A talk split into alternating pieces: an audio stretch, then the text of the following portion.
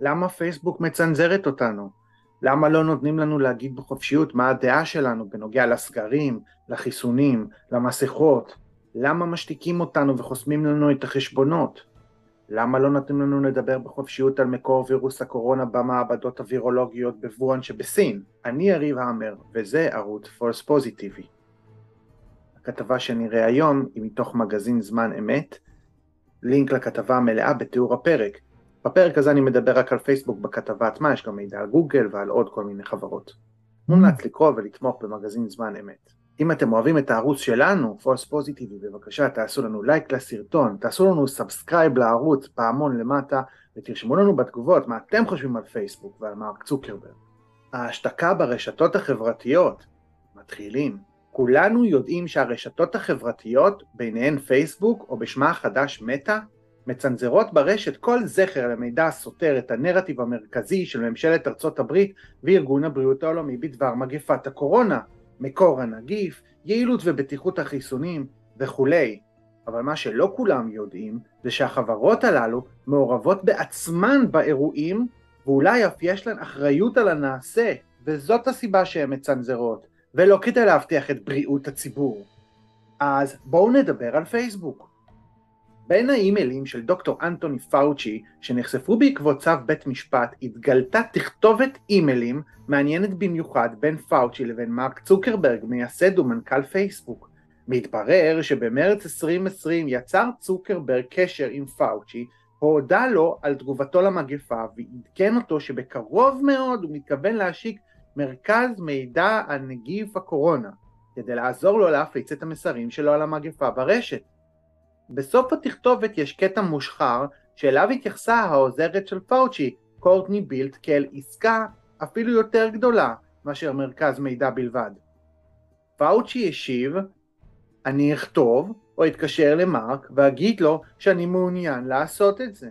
בתוך הכתבה במגזין זמן אמת תוכלו למצוא מקורות לכל המידע שניתן פה. במייל נוסף, צוקרברג גם הציע לשלוח דוחות נתונים כדי להקל על החלטות לגבי סגרים. בנוסף הוא כתב, אני רוצה להבטיח שיש לך את כל המשאבים הדרושים כדי להאיץ את פיתוח החיסונים. הנה זה כתוב פה. I want to make sure that you have all the resources you need to expedite the development of the vaccine. לפני כשנה אתגרה הסנטורית מרשה בלקבורן את דוקטור פאוצ'י ביחס לתכתובת הזאת ולקטע המושחר, וטענה שהוא שיתף פעולה עם צוקרברג ועם פייסבוק ביצירת נרטיב המגפה. בריאיון ל-MSNBC ב-9 ביוני 2021, פאוצ'י הכחיש נמרצות, וטען, אין לי שמץ של מושג מה היא אמרה עכשיו, אין לי מושג על מה היא מדברת.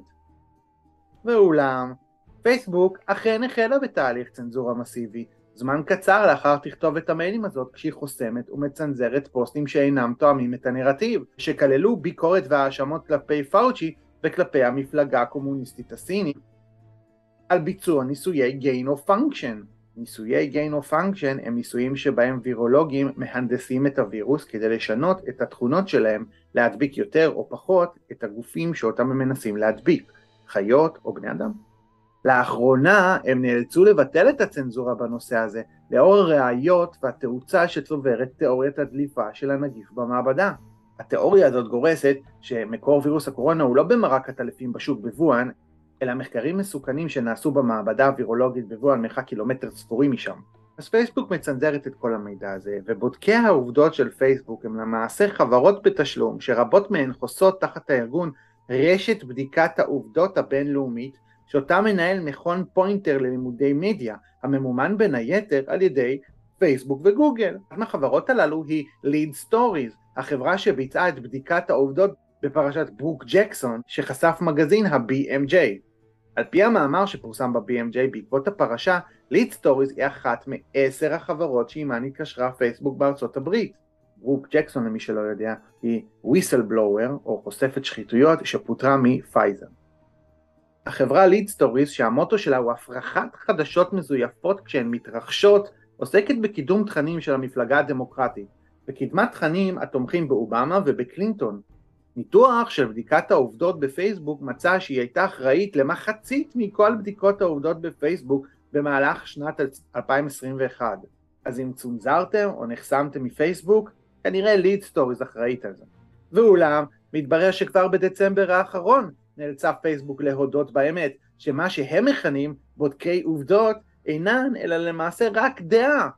ההודעה נעשתה בתגובה לתביעה שהגיש העיתונאי ג'ון סטוסל שהתייחסה לסרטונים בנושא שינוי האקלים, אשר בודקי העובדות של פייסבוק סימנו כפייק.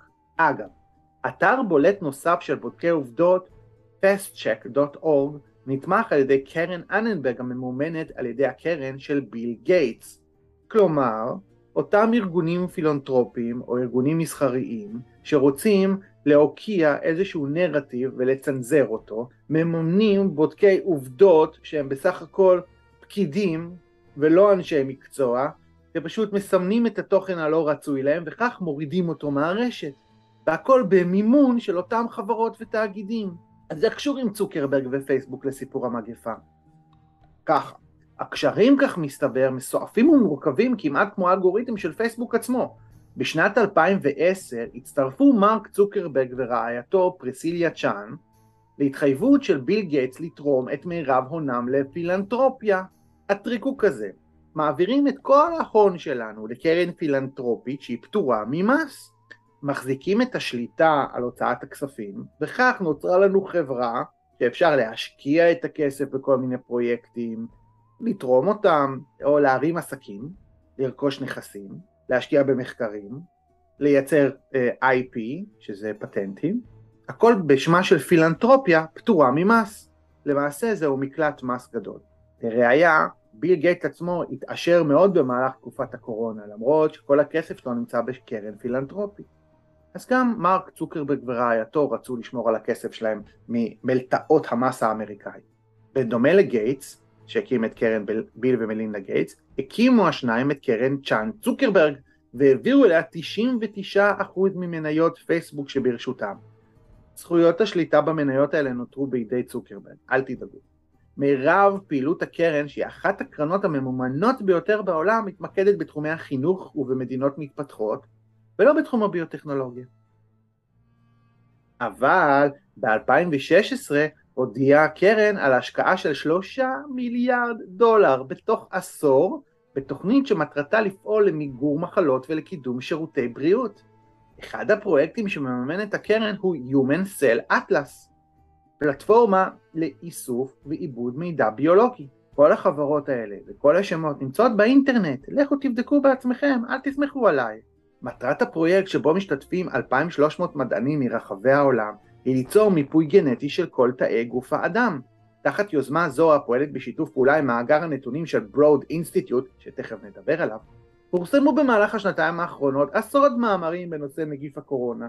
בסוף שנת 2018, כשנה לפני פרוץ הקורונה, פיתחה קרן בהובלת פרופסור ג'ו דריסי, שגם עליו נדבר עוד שנייה, בשיתוף פעולה עם קרן גייטס, קוד פתוח לאיתור גלובלי של מחלות מדבקות. מדובר בטכנולוגיית ענן שנקראת IDSEC, לחקירה גנטית של וירוסים מדבקים.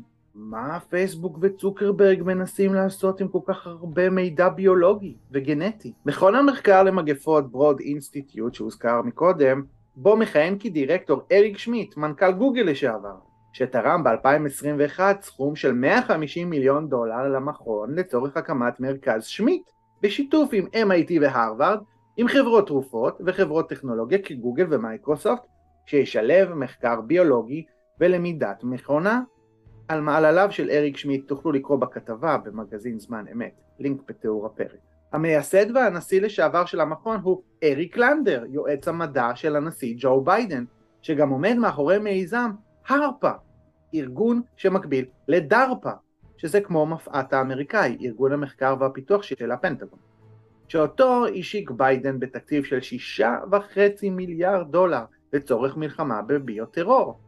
וכאמור פייסבוק משתפת פעולה עם אותו Broad Institute כדי לייצר Human Genome Atlas בשיתוף פעולה עם חברת ורילי שזאת חברת הבת של אלפאבית, גוגל, בתחום הבריאות ועם מייקרוסופט הקים Broad Institute פלטפורמה פתוחה בשם טרה שגוגל ומייקרוסופט קיבלו גישה לכל הקודים הגנומיים שהועלו אליה על ידי רשת של 18 אלף מדענים כך למעשה מקבלות החברות גישה ל-168 אלף ארגוני בריאות המשתפים פעולה עם מייקרוסופט ברחבי העולם. וכאמור, פייסבוק משתפת פעולה עם המיזם הזה.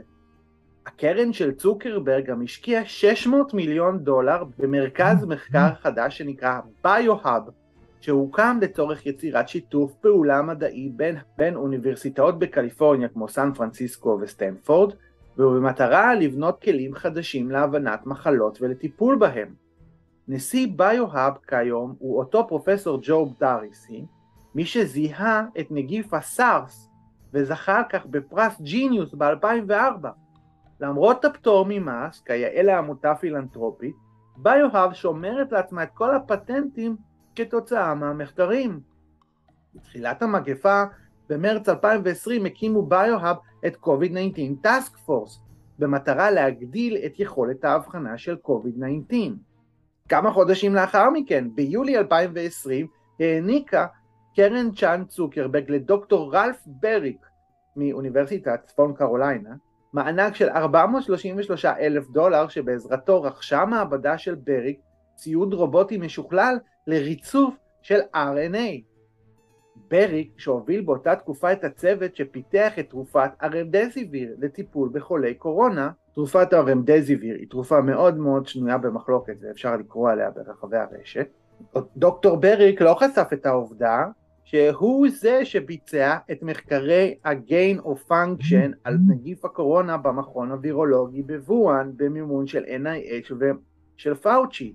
אתם מוזמנים לחפש את המחקר הזה שפורסם ב-Nature Medicine של דוקטור רלף בריק וזנגלי שי, האחראית על המכון הווירולוגי בוואן, ועל המחקר שהם עשו בווירוס הקורונה ב-2015. ומי מימן את המחקר הזה. המידע נמצא ברשת.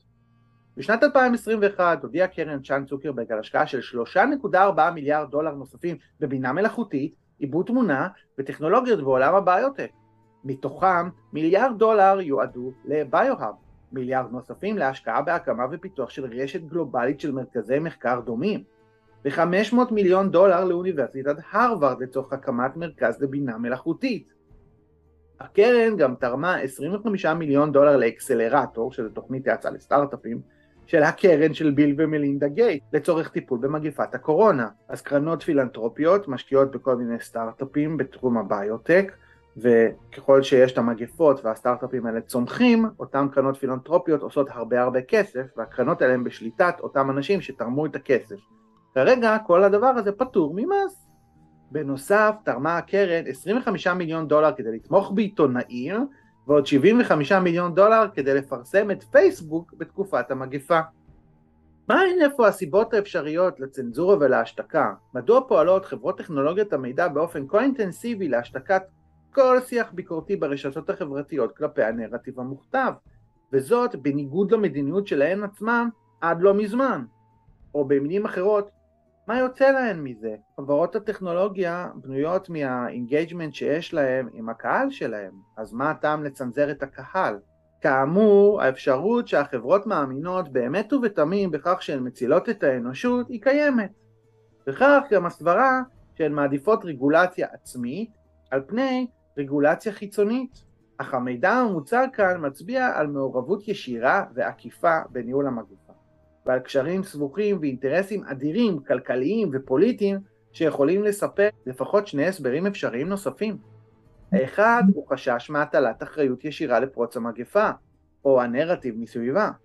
פייסבוק וצוקרברג לכל הפחות מימנו את המדענים שביצעו את המחקרים בוואן, ולכן אם תיאוריית הדליפה מהמעבדה נכונה, ברור לחלוטין שאין לחברות הללו שום אינטרס שחלקן בפרשה ייחשף.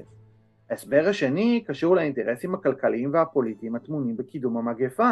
היכולת והמנגנונים לאיסוף מידע בזמן מגפה שבהן השקיעו חברות כמו פייסבוק מיליארדים למכונה לייצור כסף ולמקסום רווחים. הפנייה האישית של צוקרברג לדוקטור פאוצ'י מצביעה על קשרים בין ה-NIH, שזה משרד הבריאות האמריקאי, לבין חברות האינטרנט. רווחים יכולים להגיע גם כתוצאה מצבירת הון פוליטי בזכות יחסיהן הקרובים של גוגל ופייסבוק עם הרגולטור ובעיקר מהמפלגה הדמוקרטית. חברות ענק אלה, הנתפסות כמונופולים גלובליים ודורסניים, שימשו בשנים האחרונות כיעד למתקפה חמורה מצד פוליטיקאים, וכעת לפתע יש להם גב פוליטי. פייסבוק וצוקרברג, כמו גם חברות אינטרנט נוספות כגוגל, חברים בפורום הכלכלי העולמי, וגם מהווים מובילי דואה בנושא.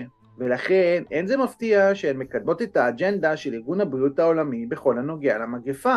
חברות הטק הקימו בעצמן שורה ארוכה של עמותות וארגונים עם חבריהן המיליארדרים בעמק הסיליקון, במטרה להשפיע על אופן ניהול המגפה. או בזמן חברות כפייסבוק הן גם בין הנהנים המרכזיים ממדיניות אגרסיבית בעת המגפה, כגון סגרים וסגירת בתי ספר. כפי שכבר נוכחנו לדעת, במהלך סגרים וכשבתי הספר ננעלים, השימוש באינטרנט מזנק. ועימו גם השימוש ברשתות החברתיות ובמנועי החיפוש. מגפות בהחלט משרתות אותן עסקית. ואם בכל אלה לא די, החברות הללו גם זוכות ליוקרה בזכות פעילותן, כאשר הבכירים בהן נהנים מג'ובים וממונים לראשות ועדות ודירקטוריונים של ארגונים ממשלתיים ושל עמותות ענק. וכך, במעגל חוזר אינסופי זוכים לעוד כספים ועוד הזדמנות לרווחים. אז תרשמו לנו בתגובות מה אתם חושבים על מרק צוקרברג, פייסבוק, גוגל וכולם. תיכנסו למגזין זמן אמת, יש שם את הכתבה המלאה עם עוד הרבה הרבה חומר ומקורות לכל המידע שניתן פה. אה, אני לא מביע את דעתי, אתם תחליטו לבד האם אה, מצנזרים אותנו בגלל שדואגים לבריאות הציבור, או בגלל שיש להם מניעים אחרים. תעשו לנו לייק לסרטון, תעשו לנו בבקשה subscribe לערוץ, יש לנו כמעט 3,100 מנויים, בבקשה, על הפעמון למטה. יש לנו אתר falsepositivity.com, ערוץ טלגרם, כל התוכן בספוטיפיי. תודה שהקשבתם.